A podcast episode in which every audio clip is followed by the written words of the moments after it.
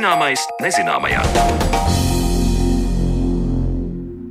Esiet sveicināti ar jums kopā es Sandra Kropa un raidījumu zināmais nezināmajā šodien pievēršas psiholoģijas un uztveres zinātņu svarīgākajiem atklājumiem un pētījumiem aizvadītajā gadā. Neirozinātnieki teica novērojuši, ka smadzeņu šūnās formējas atmiņas, bet psiholoģijas zinātnē arvien aktuāli pētījumi par pandēmijas radīto ietekmi. Kādi vēl interesanti atklājumi par mūsu prātu uzvedību un emocijām nākuši klajā pagājušajā gadā, par to jau pavisam drīz runāsim raidījumā. Bet pirms tam atskats uz pagājušā gada notikumiem arheoloģijā un šī gada arheoloģijas pieminekli.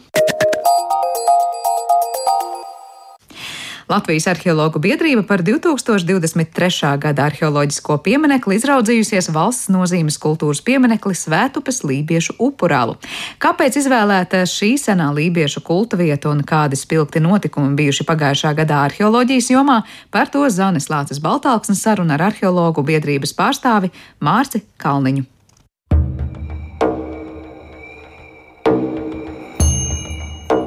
Apkopojot pagājušā gada notikumus senvēsturē un konkrēti arheologu atklājumus un pētījumus, mans sarunu biedrs, arheologs un vēsturnieks, Latvijas arheologu biedrības pārstāvis un Latvijas universitātes pētnieks Mārcis Kalniņš teica, ka Latvijā gads ir bijis mierīgs, jo uzsākti vairāki lieli projekti gan par akmens laikmeta tehnoloģijām, dzelzs laikmeta apbedīšanas tradīcijām un par pilskalniem Baltinavas apkārtnē apkārtnē un Daugavas ūdens ceļā. Tātad rezultāti par pētījumiem minētajās jomās būs gaidāmi šogad. Bet pirms ķeramies klāt šī gada arheoloģijas piemineklim Latvijā, neliels ieskats dažos pērnā gada atklājumos pasaules kontekstā. Skanēts faraons, kājas amputācija, basku veiksmes amulets un baltu saistība ar Ukrainu. Senākā ķirurģiskā operācija ir notikusi pirms vairāk kā 30 tūkstošiem gadu Borneo salā. Ja mēs runājam par tālajiem austrumiem, tad ļoti interesants atklājums publicēts pagājušā gadā žurnālā Nature ir par pasaulē senāko amputāciju. Tā ir notikusi Borneo salā, tātad tā ir Indonēzijas daļa. Un, uh, tur alā rokot arheologi ir atraduši aptuveni 31,000 gadus vecu skeletu, nu, mirstīgās atliekas no cilvēka, kur no sākuma nevarēja saprast, kas pa vainu iztrūkst pēda. Nu, principā nevis pēda, bet, kā izrādījās, starp celi un pēdu šajos kaulos ir veikts griezums, un šī kāja ir amputēta. Mirušajam tātad uz to miršanas brīdi tai personai ir apmēram 19, 20 gadi. Bet pēc tam dzīšanas procesiem nu, ir izdevies noteikt, ka tā kājas amputācija ir notikusi 6 līdz 9 gadus pirms viņa nāves, pusauģu gados vai nu, bērnības beigās. Ja? Tā, tā, tā ir šobrīd senākā zināmā atgādināšana, vēl 31,000 gadus atpakaļ. Tas šo ķirurģisko operāciju padara par apmēram 20,000 gadus vecāku nekā bija domāts līdz šim. Bet man te uzreiz viens jautājums, Mācis, kā jums, kā arheologam, šķiet, varbūt tur ir bijis nelaimes gadījums. Nu, cilvēkam ir uz, ne, uzmests kaut kas uz kājas, un tā kāja jā, tāpēc, jā, jā, vai jā, jā, te mēs jā. runājam par apzinātu ķirurģisku uh? Jā, tad šajā Nature rakstā ir tāda spekulācija par to, ka visticamākais, ka ir noticis kāds negadījums, kura rezultātā kāja ir bijusi jānogriež. Jo tur griezumi uz kauliem ir diezgan taisni. Viņi nelūst, kauli tādā veidā nelūst. Viņš var redzēt, ka te ir arī tāda neliela iegriezuma, kad respektīvi viņas ir nogriezta tā kāja cilvēkam burtiski. Jaunākais zinātnes sasniegums - Eģiptes mūmiju pētīšana ar skenēšanas metodi, neiztinot mūmiju ārā no auduma, bija redzamas pirms 3,5 tūkstošiem gadu valdījušā faraona Amenhotepa I mirstīgās atliekas. Vēl 21. gada pašās, pašās beigās, decembra beigas, bet uh, tāds viens no slavenākajiem, manuprāt, bezmazliet Tutanhamona un, un Ramzes nākamajiem valdniekiem ir Amenhoteps I. Līdz šim glabājies savā sarkofāgā, kurš nav attaisīts, lai gan atrasts jau ir 19. gadsimta beigās. Un 21. gada beigās, principā, viņam ir veikta 3D skanēšana sarkofāgam ar visu amenhotepu iekšā un ir publiskota tagad attēli. Mēs varam redzēt, apskatīt, kā šī seja iekšā visi esošie apsēji un šī mumifikācija ir notikusi, nevarot vaļā sarkofāgu. Un tas tāds interesants lieta, līdz kurienai mūsdienu zinātnē nonākusi. Jo iepriekš vienmēr šie faraoni jau ir bijuši izvīstīti, un tad viņi tiek likti šajā skanerī, bet šoreiz ir ar visu sarkofāgu, un mēs redzam visu, visu cauri, un nav vajadzīgs tā teikt bojāt mūmiju. Līdzīgi kā mēs reizumis liekam pie māju durvīm pakavus kā veiksmes simbols, iespējams arī basku cilts pārstāvji ir likuši metālā darinātas rokas ar uzrakstiem, un šie uzraksti liecina par basku valodas ļoti agrīnām saknēm. Atrasts priekšmets pats par sevi šķiet ir 21. gadā, bet pagājušā gadā ir izdevies saprast, ka ir tāds, redzam, tas ir tās bronzas roka. Tā ir bronzas roka, un uz viņas ir 40 zīmju uzraksts. Un, um, Veicot šo izpēti, tad viņi ir atrasti vienā ciema vietā Spānijā, netālu no robežas ar Franciju. Tātad tās ir Basku zemes. Runa ir par pirmo gadsimtu pirms Kristus. Šajā laikā šeit dzīvo šīs basku vai baskoņu, kā spāņi viņus sauc, ciltis. Un tika uzskatīts, ka viņiem rakstība nav bijusi līdz, viņiem zināms, ka viņiem ir valoda savu, ja, bet rakstība viņiem nav bijusi līdz Romas ieviešu latīņu valodu. Bet atklājot šo roku un šo uzrakstu, ir skaidrs, ka viņiem ir bijusi šī valoda un ir bijusi rakstība pašiem sava. Vēl pirms romieši ir ieviesuši latīņu valodu tur.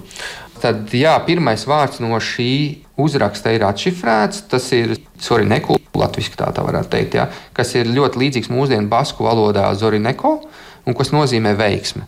Un tā, tā, tā teorija tāda, ka šādi amuleti ir likti virs durvīm vai pie durvīm, lai tā teikt, mājās piesaistītu veiksmi vai atgaiņātu neveiksmi. Nu, mēs tā to varētu nosaukt. Par spīti karam Ukrainā, tur turpinās pētījumi kādā kapu laukā pie Dņepras pietekas Rosas, un atradumi liecina, ka 11. un 12. gadsimtā te ir uzturējušās baltu ciltis. Nu, ja mēs skatāmies tiešām uz mūsu reģionu, Tad viens no tādiem lielākiem atklājumiem, kas ir veikts nu, jau kopš 2017. gada, jo izrakumi notiek kopš 2017. gada, tā ir Ņepras pietekas upe, Rosas upe. Un, tur ir atrasts liels kapulauks, tur ir atklāti 67 abadījumi, kuru rotas lietas un mantas ir baltu izcelsmes. Tas ir 11. un 12. gadsimts. Un, ja mēs skatāmies intereses pēc ir rotu komplekss, kas ir atklāts, jūs ieraudzīsiet. Tās ir kuršiem raksturīgas rotas, tās ir zemgaļiem raksturīgas rotas, tās ir lietuviešu ciltīm. Jā, aprocis un saktas. Jā. Un tad ir šis jautājums, nu, kas tad ir šī nu, kapsēta, jau jeb abedījumi, un jo pretī tieši upes otrā pusē ir arī pilskāns un, un dzīves vieta. Un līdz ar to šobrīd tā ideja ir tāda, ka acīm redzot, tiešām tie ir bijuši kaut kādi ceļotāji, tirgotāji, kuriem ir bijusi kāda patstāvīga apmetne. Šie rakstu ir sagatavojuši ukrāņu kolēģi kopā ar vāciešiem un lietuviešu kolēģiem. Tā ideja ir tāda, ka 10. un 11. gadsimtā šie balti, acīm redzot, ir nokļuvuši šeit vairāk kā 1000 km attālumā.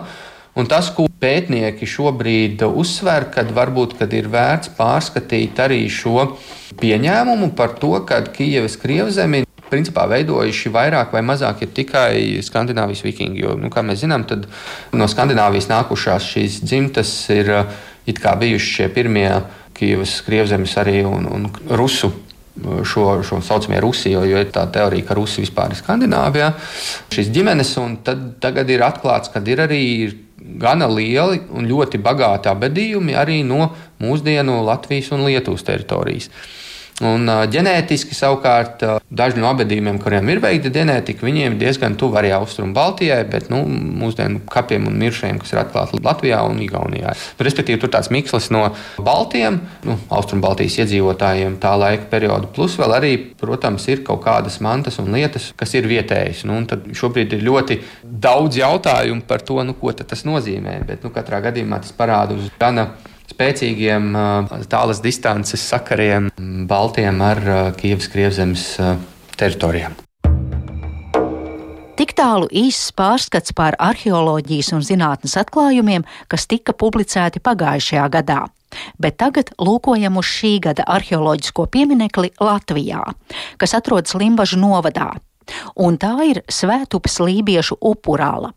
Objekts izvēlēts tāpēc, ka tieši pirms 50 gadiem tika veikta Svētupes upurālas arheoloģiskā izpēte, un, kā teikts arheologu biedrības interneta mājaslapā, tad būtiski ir atzīmēt, ka Latvijā tās augtās upurālas līdz šim ir konstatēts vienīgi lībiešu apdzīvotajās teritorijās - Svētupes, Salacas, Gaujas un Īģes upes krastos, un tās ir unikāla liecība par seno sakralitāti lībiešu kultūra telpā. Arheoloģiskajos atradumos ir uziets bagāts materiāls - monētas, bronzas gredzeni un saktiņas, pogas un zvārgulīši, kaula adata, bišu vaska gabaliņi, kā arī liecības par pārtikas ziedojumiem - zaķu, aitu un vistu kauli un olu čaumalas.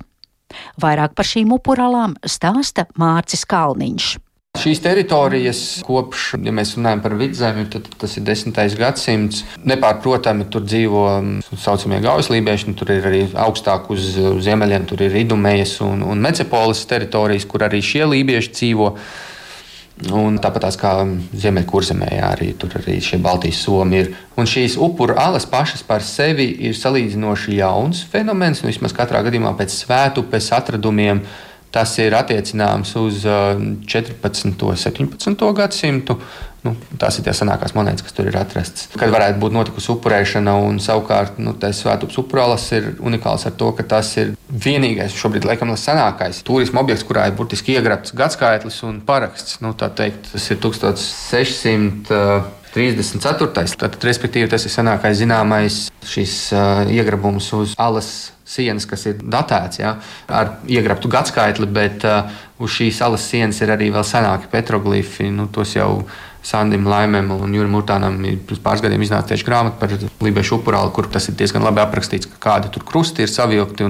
Tos, protams, nodatēt nu, ir nedaudz sarežģītāk, jo viņiem nav pierakstīts gadskaitlis klāt, kurā gadā tas grabums salā ir izdarīts. Kā var zināt to, ka tās ir tieši upurāls vai tās atrastās mantas liecina par to. Teik, nu šajā gadījumā, ja mēs runājam par svētupi un arheoloģiskiem izrakumiem, tad jā, arheoloģisko izrakumu laikā tur ir atrasts šķiet vairāk kā 600, pēdēj, ar kopā ar pēdējiem visiem atradumiem gandrīz 6,500 ja, monētu un dažādas liecības arī, kas ir ne monētas, respektīvi trauku laus, kas šķiet, ka arī kādi bronzas gradzeni tur bija un arī kāda sakta bija, kas nu, liecina, ka tur varētu būt kaut kādas rituālas darbības veikts. Un ir arī folklora saglabājusies, starp citu, par vismaz svētupes upurālu ir gan folklora, gan arī rakstiskie avoti par to, ka 17. gadsimtā vietējiem mācītājiem ir uzdots, nu, viņi vēlējušies tā teikt ar varu piespiest šos vietējos izbeigt šo upurēšanu, pagānisko upurēšanu alā. Tradicionāli Latvijas arheologu biedrība mudina apmeklēt gada arheoloģijas pieminekli klātienē, taču, lai samazinātu svētupes upurālas un tās sienas iegravēto petroglifu bojājumus, šogad izņēmuma kārtā biedrības pārstāvji aicina gada arheoloģijas pieminekli izstaigāt attālināti. Tas ir virtuāli ar 3D modeļu starpniecību, kas ir rodams arheologu biedrības mājaslapā pie raksta par lībiešu upuralām.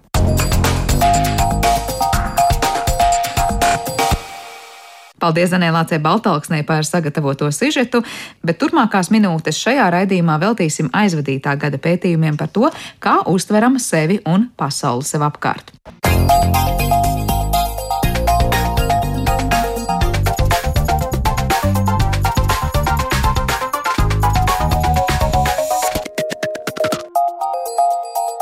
Zināmais nezināmajā. Tikpat būtiski kā atklājumi par dzīvo dabu un lietu kārtību mums apkārt ir pētījumi par mums pašiem, mūsu domām, emocijām, uzvedību un uztveri. Cilvēka prāts un uzvedība ir gana sarežģīta, kur nu vēl prognozējama, tāpēc ik viens liels pētījums šajā jomā ir solis dziļākā izpratnē par mums pašiem. Un būsim godīgi, dažkārt jau pasauli mums apkārt mēs zinām labāk nekā to, kas notiek mūsu pašu galvās. Tad nu par aizvadītā gada svarīgākajiem atklājumiem psiholoģijā un kognitīvajā zinātnē mēs šodien runāsim atlikušajā redzījuma pusstundā, kad uz sarunu studijā esam aicinājuši Latvijas Universitātes datorikas fakultātes profesoru, uztvers un kognitīvo sistēmu laboratorijas vadītāju, kognitīvo zinātņu pētnieku Jurģis Čilteru. Labdien! Labdien! Kā arī Latvijas Universitātes profesoru sociālajā psiholoģijā Ivar Austeru. Sveiks, Ivar! Sveiki! Nu, ko jūs jau gadu no gada, man liekas, šādā sastāvā tiekaties, lai atskatītos uz aizdīto gadu psiholoģijā un kognitīvajā zinātnē. Es lūkšu jūs ieskicēt tās savas sajūtas, ar kādām gads ir aizvadīts. Vai tas ir bijis veiksmīgs jūsu katra pārstāvētajā jomā, vai bija daudz tādu izrāvienu, interesantu atklājumu, vai var teikt, nu par visu sen zināmo un veco labo mēs vairāk tā kā tikai nostiprinājām savas zināšanas. Ivar. Es, es domāju, par to veiksmīgumu jau to varēs pateikt pēc uh, gadiem, pieciem, vai ne, varbūt pēc trījiem, ja, ja paveiksies. Ja. Jo, jo veiksmīguma rādītājs jau ir uh, ietekme drusku ilgākā laika posmā.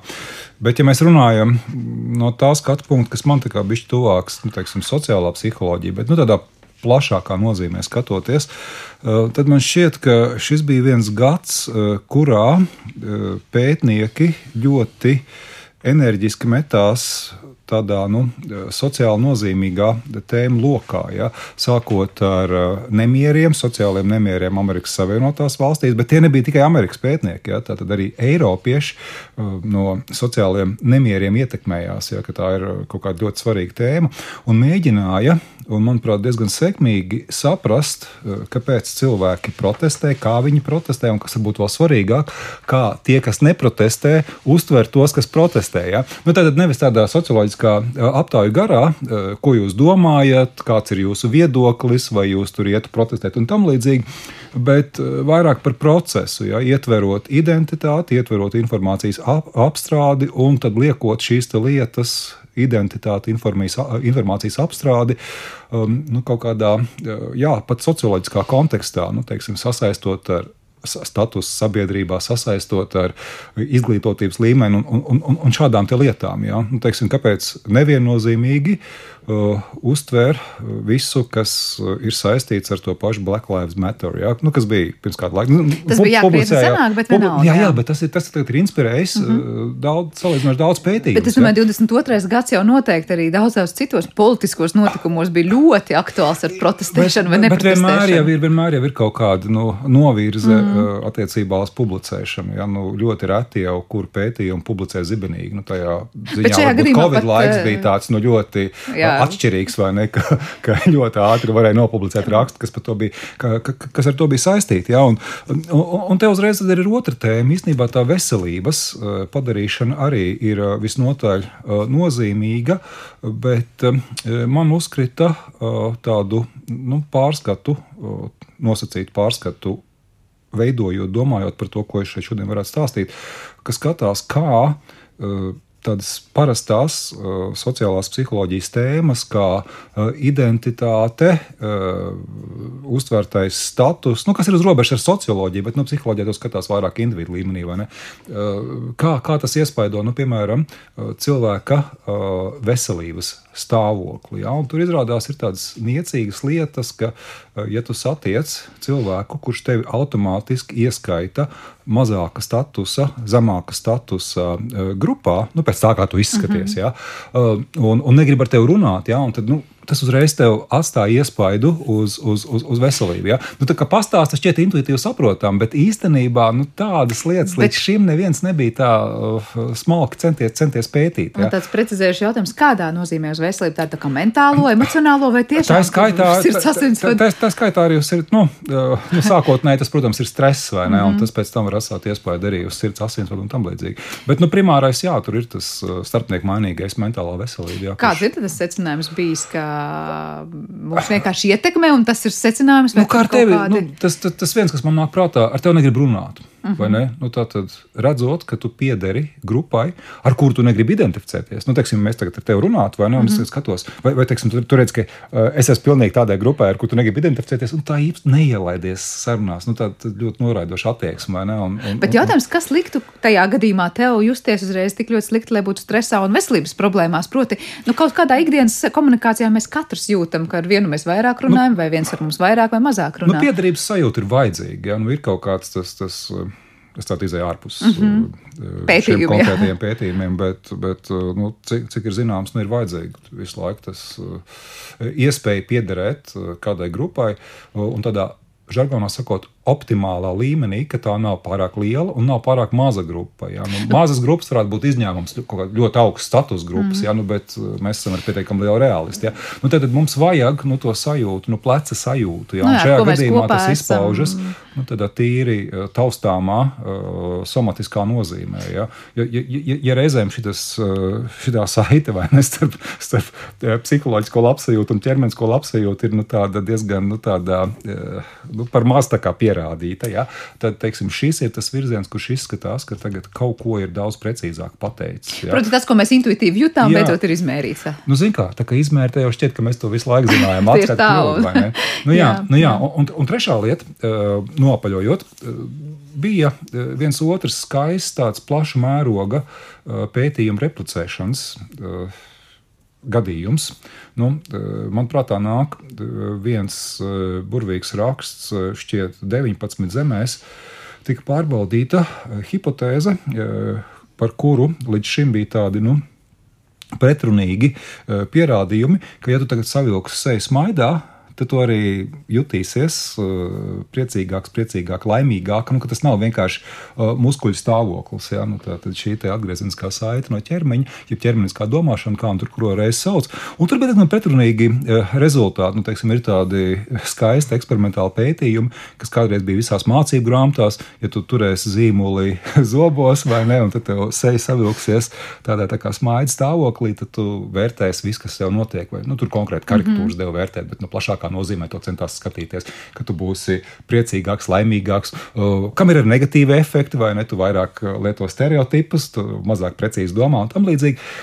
Nu, jā, un tad nāca jauna pētnieka paudze, kur teica, nē, nē, tā nav, vai ne? Viņiem sanāca rezultāti, ka tā nav, un tad īsti nevarēja saprast, un tur bija pārsimts pētījumi, gan ar tādiem, gan citādiem rezultātiem. Tagad un tagad, tas- un tagad uztaisīja 19 valstīs ar kaut kādu nepilnu 4000 cilvēku lielu izlasi. Un īstenībā iznāca diezgan skaidri, ja, ka, ja tu tos muskuļus savelc, vai nu skatoties uz kādu attēlu, kur aktieris vai aktrise seja savilktas vai savilktas smaidā, vai arī, teiksim, tev instrukcija saka, tagad to muskuli, to muskuli. Tur savelc, tad īstenībā cilvēki kļūst nu, tādi situatīvi optimistiskāki, pat ja viņi zina, kāpēc viņi to dara, ja? Un, un kāds ir tas mērķis. Ja? Ar zīmoli tur tas efekts ir niecīgs. Ja? Tā kā kaut kāda taisnība tiem vēsturiskiem pētījumiem ir, nu, teiksim, kas man kā pasniedzējiem patīk, nu, ka vēl aizvien var to stāstīt lekcijās. Ja? Jo vienā brīdī es stāstīju. Šis bija tāds baigs, skaistais eksperiments, bet tagad es jums to nevaru stāstīt. Es Jā, jums vienkārši varu pastāstīt par procedūras pusi, ka tā bija burvīga, bet par rezultātiem būsim skeptiski. Jā, par to zīmolu man uzreiz liekas, nu tur tikpat labi varētu teikt, atņirkti zobi var parādīties, kā kurš to zīmolu turēs. Bet skaidrs ir viens, ka tad vecās lietas ir pārskatītas un kaut kāda skaidrība ir, ir tā kā gūta. Jā, daudz gribētos par katru no šiem pajautāt, par tiem nemieriem vēl es noteikti šodien pavaicāšu, bet Jur- Jurģi arī grib dot vārdu par to, kas kognitīvajā zinātnēs arī varbūt tāds top trīnieks tavs ir bijis pagājušajā Jā, gadā. nu, pagājušais gads noteikti bija ļoti dzīvīgs un ir, ir daudzas eh, interesantas eh, tēmas, gan kognitīvajā zinātnē, gan uz, uztveres pētniecībā arī izsnāca. Bet nu, tāds, man atšķirībā no ievadoša nebūs tāds top 3, bet tāds daži uh, vadmotīvi. Nu, tāds viens vadmotīvs, protams, saistībā ar mākslīgā intelekta pētniecību. Mēs jau pēdējo uh, nedēļu arī kontekstā. Uh, zinām to visu rezonanci, ka nu, tātad, kas tomēr ir tas specifiskais, kas, kas nav uh, simulējams mākslīgā intelekta sistēmās, un tad ir vairāk pētnieki no, no, no, gan no psihologa, nerezinātnieku puses, kur argumentē, ka nu, teiksim, tās mākslīgā intelekta sistēmas viņas nevar noteikt izteikuma patiesumu, un faktiski viņi, viņiem vispār nepri, ne, nepiemīt spēja patiesumu noteikt, jo viņiem nepiemīt tas, ko matemātiķi sauc par modeļu teoriju, un, un viņiem nepiemīt cēlonības izpratni, viņiem nepiemīt telpas un laiku izpratni tajā nozīmē, kā mums cilvēkiem tas vajadzīgs. Mēs vienkārši Protams, tas, šajās- ko mēs kā cilvēks justu, kad tas ir patiesi. ko mēs justu. ne? Un tā, tā mums vienkārši uh, ir atskaites punkts, pēc kā vērtēt uh, kāda apgalvojuma patiesumu. Tas mākslīgā intelekta sistēmām nepiemīt. Līdz ar to ir tāda nu, šobrīd ļoti asa diskusija pētniecības vidē par to, cik, cik liels sasniegums ir tie nu, pēdējie mākslīgā intelekta sistēmu. Piemēri. Kontekstā šo ir arī ļoti nozīmīgs franču kolēģi pētījums Stanis Dehānu un, un citiem arī par to, nu, kas dara to cilvēku unikālu un vienreizīgu. Mums nerunājot par, par visām tām mākslīgām intelektu sistēmām, arī kas dara cilvēku unikālu salīdzinot ar citiem augstākiem primātiem, citiem dzīviem radījumiem. Nu, laika pa laikam jau tās tēmas tiek diskutētas, un tad ši, šai pētnieku grupai izdevās nu, ļoti labi argumentēt, ka tā skaitļa izpratne, telpas izpratne, arī atkārtojuma izpratne, kādu mēs ikdienā lietojam, gan valodā, gan matemātikā, gan vizuālajā mākslā, citur dzīvajā dabā nepiemīt. Un, un, nu, tas, tas galvenais eksperiments, kas viņiem ļoti labi izdevās demonstrēt, ka cilvēki ir ļoti jutīgi, ātri atpazīst simetrijas formas, faktiski salīdzinot ar cilvēku veidīgiem pērtiķiem nu, nekā tādu mēs nevaram citur dzīvē dabā redzēt. Un, un teiksim, tie cilvēku veidīgi pētiķiem tā sensitivitāte pret simetriju nav. Tad šis, šis atklājums arī tiek skatīts kā daļa no tā, tā, tās idejas, ka mēs esam, mums ir tā, tā, tā, tā mūsu domu, domas rekursivitāte, domu News. Īpatnība, kas nu, nav citur dzīvē dabā. Um, tāda uh, rezonance pagājušā gada pirmajā pusē uh, pētniecībā patiesībā bija vienā par vienu tēmu, kas sasaucās arī var teikt par Einsteina efektu. Varbūt arī par šo varēs arī kaut ko man piebalsot. Varbūt izskaidro, kas tas īsti ir. Jā, tātad bija milzīgs pētījums 24 zemēs, vairāk nekā 10 tūkstoši dalībnieku šajā eksperimentā piedalījās. Un tā ideja tāda, ka diezgan bezjēdzīgs teksts tika nu, tātad, šo tekstu runāja kāds sabiedrībā ciene, cienījams, nu, kāds zinātnieks vai arī garīgais līderis. Nu, atšķirības tur, protams, ir.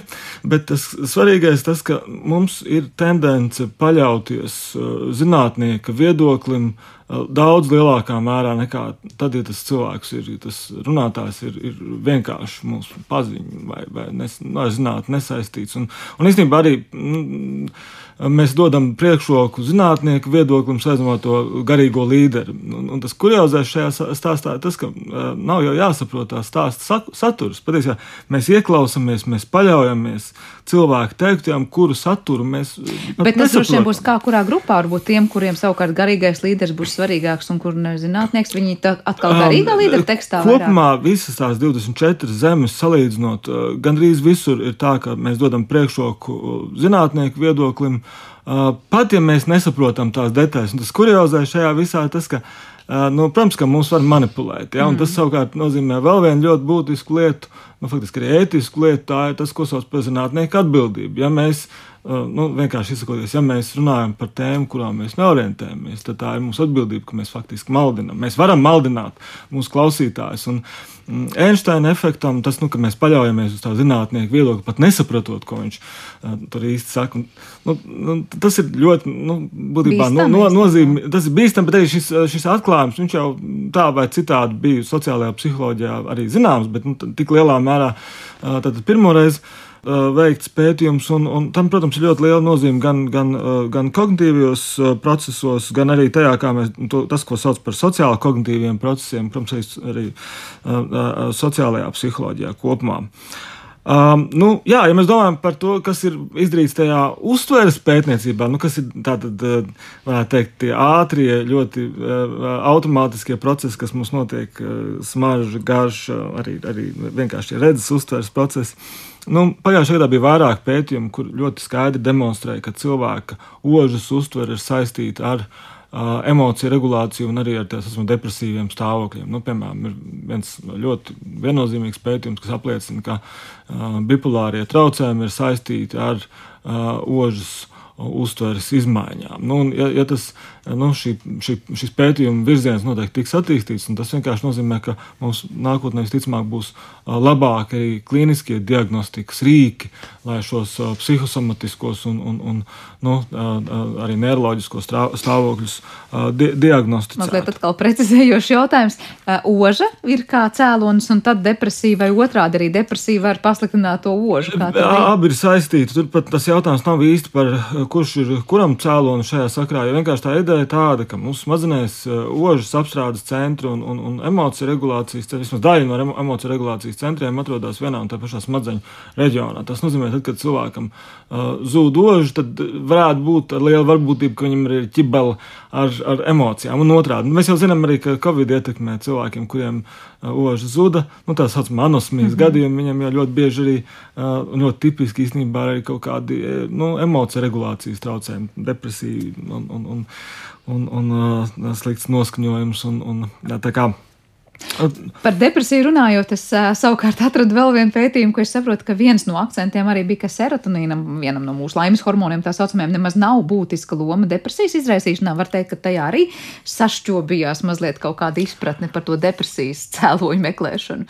Jā, nu, nu vispār jau jā, jāsaka tā, ka depresija jau kopumā nu, zinātnieku vidē tomēr tiek uzskatīts ļoti heterogēns, tāds, nu, tāds diezgan pūkains veidojums. Mums jau tāds nav divreiz divs skaidrs. Nu, tāds eh, skaidrojums, ka, ka, kas, kas, kas šis ir un teiksim, tas stāsts par serotonīnu. Nu, nu, zinātnē jau vienmēr tā, ka ir kādi zinātnieki, kuriem ir tāds eh, nu, eh, vienvirziena skaidrojums kādai lielai sarežģītai problēmai, kas pat par sevi ir ļoti daudzdimensionāla. Nu, ar serotonīnu liekas, tā ir tā viena, viena lieta, kur. Nu, jā. Viens nu, aspekts, nu, kurā droši vien, jā, Ivar, ir kas piebilstams. Nu, protams, ka tas fenomens, jā, ka mēs uh, paļaujamies uz kaut kādām, nu, ko žargonā sauc par uh, perifērām atskaites sistēmām, kaut ko virspusē, nedomājot līdz par to uh, lietu būtību. Nu, tā jau ir uh, ļoti veca ideja, bet, bet šis ir burvīgs pētījums nu, par to mērogu, ja, kur mēs varam saprast, vai tas gadījumā nav kaut kas, nu, piemēram, uh, rietumu kultūrai raksturīgs. Ja? Jo viens otrs no tiem uh, sociāli kognitīvajiem uh, fenomeniem, par kuriem mums tā patīk runāt, īstenībā paskatieties plašāk. Uh, nu, parādās, ka jā, mēs viņu varam atrast Eiropā, mēs viņu varam atrast eh, Ziemeļamerikā, bet citur jau paliek vājāks. Jā. Skatāmies kaut kur Korejā, Japānā, un viņš var izčākstēt, un varbūt kaut kas cits. Jā.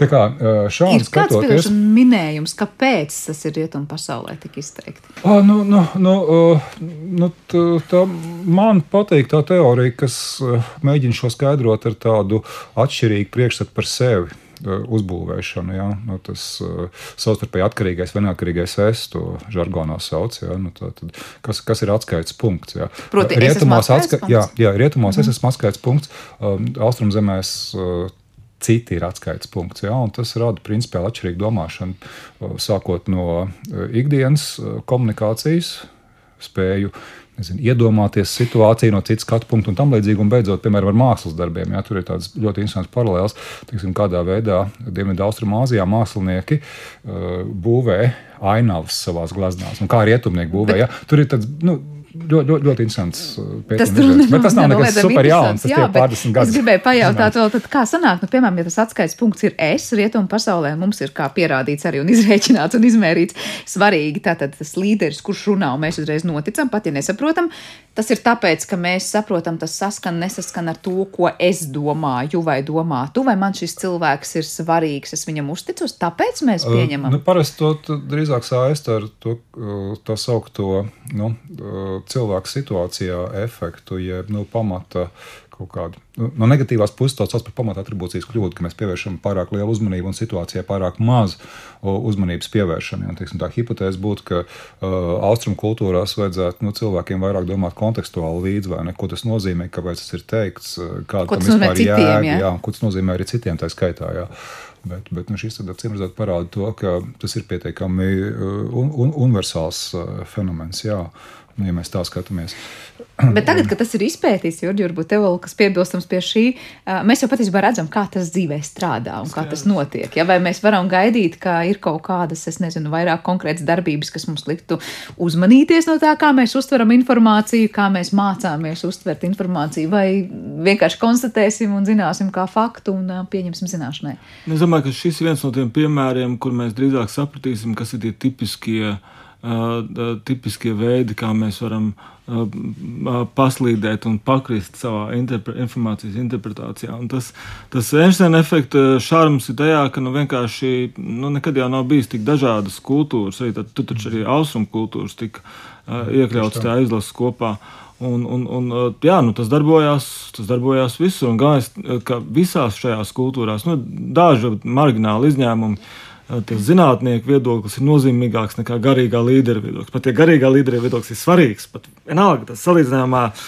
Salīdzinājumā tomēr tas zinātnieku viedoklis ir nozīmīgāks.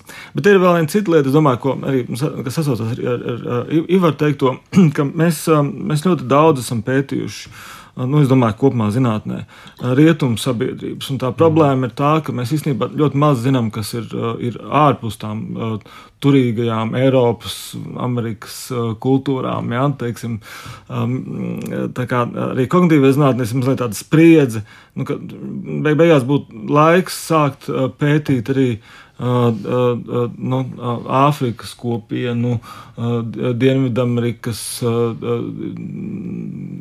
kaut kādu arhīvisko kultūru. Īpaši ņemot vērā, ka mēs zinām, ka viens otrs fenomens ir kultūrāli noteikts, pilnīgi noteikti. Nu, teiksim, virkne ar ilūzijām. Jā. Nu, tas tas parastais piemērs, droši vien, jā. tāds burtiski mācību grāmatu piemērs, vai ne, ka uh, tur ir tieši saistība ar uh, telpu, kurā tu esi audzis, uh, kurā tu esi bērnībā dzīvojis, kurā tu esi attīstījies. Nu jā, bet ne visi ilūzija gadījumā. Tas, protams, arī tas ir. Nu, kā viens piemērs.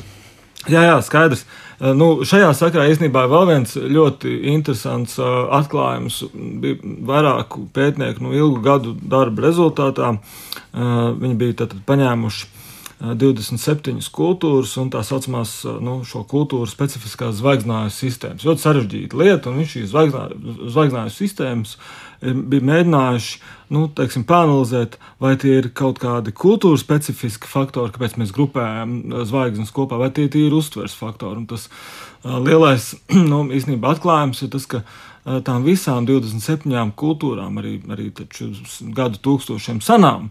Eh, galvenais, eh, kā zvaigznes tiek grupētas kopā, ir mūsu uztveres process. Tur nav nekāda kultūra specifiska komponente, kas padara tos zvaigznājus unikālus. Nē, tas zvaigznāju grupēšana ir, ir pamatā uztveres process. Un pat vēl konkrētāk, uztver, grupēšana pēc tuvuma, nu, kas ir grup, uz, uztveres pētniecībā ļoti izpētīts princips un, un grupēšana pēc noteikta gaišuma, ir tie principi, kas dominē, kas ir kopīgi visās tajās nu, nosacīti arī nu, savstarpēji neatkarīgajās kultūrās. Kā, protams, ka ir interesanti redzēt tās kultūra atšķirības, bet arī interesanti ir laika gaitā saprast, kas ir tās, kas ir tie principi, nu, kas mūs visus dažādos cilvēkus padara nu, tomēr līdzīgs kaut kādā aspektā. Kas mums vieno. Ivar gribēja ko piebilst, es, es savukārt to gribēju vaicāt. Nu, jā, pavaicām, tad es es par tām kultūras atšķirībām un tiem reģioniem, kā jūs tā abi minējāt, kad ir jāsāk pētīt arī, kas notiek citur, eh, par tiem eh, nemieru pētījumiem, cik lielā mērā tie jau arī ir pētīti tā kā rietumu kultūrā, vai nu, ne? No rietumu perspektīvas, protams, vienalga, vai te būtu Nīderlandē vai Amerikas Savienotās valstīs. Bet, piemēram, kaut kāds citi reģioni vispār nemieri iespējami, neiespējami. Nu, es, es, es domāju, ka tur varētu būt ļoti, ļoti interesanti, ja ņemot vērā to, ka pat identitāte ir savādāk uzbūvēta. Nu, tas, ko es pirms minūtēm eh, dažām eh, minēju, ja, kas ir atskaites punkts rietumos, mēs domājam par sevi kā par īpašību kopumu. Ja. Savukārt, nu, drusku vienkāršojot, ja, es esmu tas, kurš ir tāds. Savukārt, uh, nosacīt austrumu kultūrās, domāšana ir Es esmu tas, kurš noteiktās situācijās uzvedās noteiktā veidā. Ja? Un, ja mēs šādi skatāmies, tad tur uh, piedalīšanās, nepiedalīšanās nemieros var būt uh, noteikti ar pilnīgi atšķirīgu lemšanas procesu palīdzību. Ja? Nu, teiksim, šeit drīzāk rietumos mēs skatāmies, nu, cik manas īpašības, intereses ir līdzīgas citu, vai tiek aizskarts. Jā, vai, vai tiek aizskarts jā. Tas, tas droši vien būtu atskaites punkts, vai ne? Tad uh, droši vien hipotētiski mēs varētu teikt, ka austrumu kultūrā būtu jābūt atskaites punktam, cik lielā mērā es ar savu iesaistīšanos varu palīdzēt citiem sasniegt kaut kādas mērķus, kas nav viens un tas pats. Ja? Varbūt nu, ārēji novērojot, uzvedības formas var būt līdzīgas, ja? bet motivācija būs krietni. Bet vai tas liek domāt, ka vienā vai otrā kultūrā tā dalība būs vairāk izteikta vai mazāk, varbūt ne obligāti? Varbūt, ja cilvēks motivē tieši tas, ka mm. es esmu atbildīgs par to, kā kopienai iet, viņi es, vēl vairāk izies es, ielās. Es, es, es, es, domāju, es domāju, ka tas nu, nu, mēs, mēs nevaram tiešā veidā prognozēt to iesaistīšanās pakāpi. Ja nu mēs redzam, piemēram, Ķīnā vai nekur brīdī, vēl aizvien mm. tur kaut kas mēģina Iebilst. Vai Irānā, piemēram, Irānā, vēl vairāk. Irānā vēl vairāk pēdējā gada laikā, protams. Bet eh, es gribēju vēl vaicāt par tiem pētījumu rezultātiem vai secinājumiem. Nu, tad kas bija tas, varbūt, kas ir palicis prātā kā visbūtiskākais? Ja atbild bija gan kāpēc protestē, vai kā, vai kā neprotestējošie redz tos protestējošos, vai tur ir kaut kas, pie kā tur, tur, aizķerties? tur, ir, um, tur bija uh, interesanti tāda nu, nosacīta morāls dimensija, ja, ka jautājums, ko dara. Jo protestēt var dažādi. Protestēt var rakstot vēstules, ejot demonstrācijās, piedaloties vēlēšanās. Un, un, un uh, izplatot uh, kaut kādas uzsaukumus internetā, vai ne? Un, un tad ir. Uh, Tas, tas, tas tiek uztverts nu, kā tāds uh, nosacīts pieņemamais veids, kultūra pieņemamais, jā, akceptētais, un tad ir nemieri, kur ir varmācības dimensija, jā, pieminekļu gāšana, uh, dedzināšana, uh, šāda veida nemieri. Jā. Un tad, no skatoties no to pozīcijām, kur īstenībā varbūt ir liberāli cilvēki, kuri gribētu, lai viss attīstās nu, tādā vienlīdzības, godīguma um, virzienā, uh, viņi uztver šo te, nu, to. Uh, Nepieņemamo, nu, kur ir kaut kāds uh, agresivitātes elements uh, iekšā, uh, kā nu, uh, tādu, kas ir uh, visnotaļ nepieņemams, un tāpēc uh, nav gatavi arī ar savu rīcību atbalstīt. Arī. Nu, teiksim, tā, mēs šādu veidu pētījumus izlasām, tad mums šķiet, nu, jā, pa, pa, pašsaprotam, bet tas īstenībā nav tik pašsaprotam, ja mēs paskatāmies. Uh, nemieru laikā, ko cilvēki raksta internetu vidē. Nu, tur tā galvenā atšķirība ir, nu, tu esi baigi liberālais vai tu esi baigi konservatīvais. Tas nav tik vienkārši. Ja? Tur tas liberālais, konservatīvais pat būtu nespēlē tik lielu lomu kā uh, uzvedības, par kuru tu lasi ziņās. Vērtējuma fakts, ja? vai tā ir nu, tāda leģitīma uzvedības forma vai neleģitīma uzvedības forma. Ja? Un tad no šejienes mēs varam izdarīt secinājumus par to, vai attiecīgais uzvedības modelis tev īsti var novest pie tā rezultāta, pie kura tu gribētu, ja, nu, lai tā uh, taisnība uh, varētu pēc daudzu gadu uh, nu, netaisnības uh, beidzot. Uh, dominēt sabiedrībā. Savukārt, tikko teiktais, mani noveda savukārt pie tā um, aspekta, ko mēs šajā gadā runājam ar saviem kolēģiem. Arī bija raidījums par to, ka kāds no pētījumiem tur bija atklājis, ka Covid laikā, nu jau liekas, sen aizgājušas lietas, bet tomēr uh, sabiedrībai kaut kā konkrēti cilvēki noteiktajās, nezinu, iezīmēs bija kļuvuši neiecietīgāki. Un jautājums, vai par neiecietīgumu arī ir kaut kas tāds, kas šogad īpaši varbūt izcēlās, vai es nezinu, vai uz Covid atblāzums vēl ir jūtams psiholoģijā un kognitīvajā zinātnē tajā, ko pēta un kā pēta sabiedrība. Bet par to, cik mēs esam nu, iecietīgi vai neiecietīgi. raksti, raksti, raksti jau parādās, uh, protams, bet par, par, par iecietību uh, konkrēti man tagad nenāk neviens prātā. Droši vien, ja mēs uh, parakātos daudz, Nu jā, tev būtu datubāzēs jāpameklē, jā. Nu, tā jau ir tāda caurvīs tēma, kas uh, gadiem ilgi uh, tiek pētīta un noteikti vēl tiks arī vēl daudzus gadus uz priekšu. Kā ir tās Covid atblāzmas, ir jūtamas vēl citos pētījumu laukos, kuros mēs tas kaut ko skatāmies? Jurģi, Jā, protams, protams nu, teiksim, tā, no manas perspektīvas tas interesantais ir tas, ka mēs šobrīd eh, mums ir daudz lielāki dati par to, kas notiek ar cilvēku uh, uztveres procesiem uh, Covid gadījumā. Un, ja mēs domājam par ožas uztveru, kas viens no maniem arī pētījumu vi- virzieniem, tad šobrīd ir daudz lielāks datu kops un faktiski mēs redzam, nu, Covid šajā, nu, tādā varētu teikt. Traģiski griez, skatoties, mums ir parādījis daudz vairāk, kas notiek, kad cilvēkam zūd oža, un kas ir tas, tās viņa uztveres izmaiņas, un kas ir viņa dzīvesveida izmaiņas. Un, un no šī viedokļa, protams, ka es domāju, nu, tuvāko mēnešu laikā būs vēl viens otrs interesants pētījums. Arī, protams, nu, ir virkni pētījumi piemēram, par mūzikas uztveri. Izrādās, ka cilvēki Covid laikā ir sevi to, nu, psiholoģisko, emocionālo līdzsvaru labāk varējuši sasniegt klausoties mūziku. Nekā tas bija citos iepriekšējos pētījumos domāts. Bet, nu, es teiktu, tā daudz no šiem pētījumiem faktiski apstiprina to, kas, kas iepriekš ir, ir, ir zināts, nu, vai teiksim, ko mēs esam nojautuši. Vienkārši tur nu, tā situācija mums ir daudz lielāku. Uh, nu, tātad to, to, to izlases kopu, ko pētīt, piedāvāja. Mm. Tu jau mazliet ieskicēji, kas būs šogad gaidāms tuvākos mēnešos, ir kāds ja, ja runā, sajūta. teiksim, par Covid, jā, tad nu, tas, ko mēs vēl aizvien varam atrast sociālās psiholoģijas uh, rakstos, ielikt uzvedību kontekstā, kāpēc cilvēki kaut ko darīja vai kaut ko nedarīja. Ja? Nu, mums tā kā sanāk tāda apļveida struktūra, kāpēc daļa ticēja zinātniekiem un daļa neticēja, vai drīzāk jau par pakāpi, vai ne? Un, nu, teiksim, ja viena daļa varbūt ticēja kaut kādam vispār pieņemtam konceptuālām zināšanām, kaut kādai kopai, ja, un citi varbūt meklēja unikālo, ja tur viens, tur Itālijā viens ir viens profesors, un viņš saka pilnīgi savādāk, tu nelasi īsto, vai ne? Kāpēc? Kas tur ir, vai ne? Ka tur nav gluži vienkārši tikai nu, tas klasiskais pieejams, ka cilvēkam ir jāmazina trauksme, ja, un tad izējot no uh, tā kā mija darbojas šī vajadzība mazināt trauksmi ar uh, kognitīvajiem procesiem, vai ne ar visiem tiem daudz gadu desmitus uh, pētītajiem, vai ne tām noslēdzējām, kļūdām un tam līdzīgi.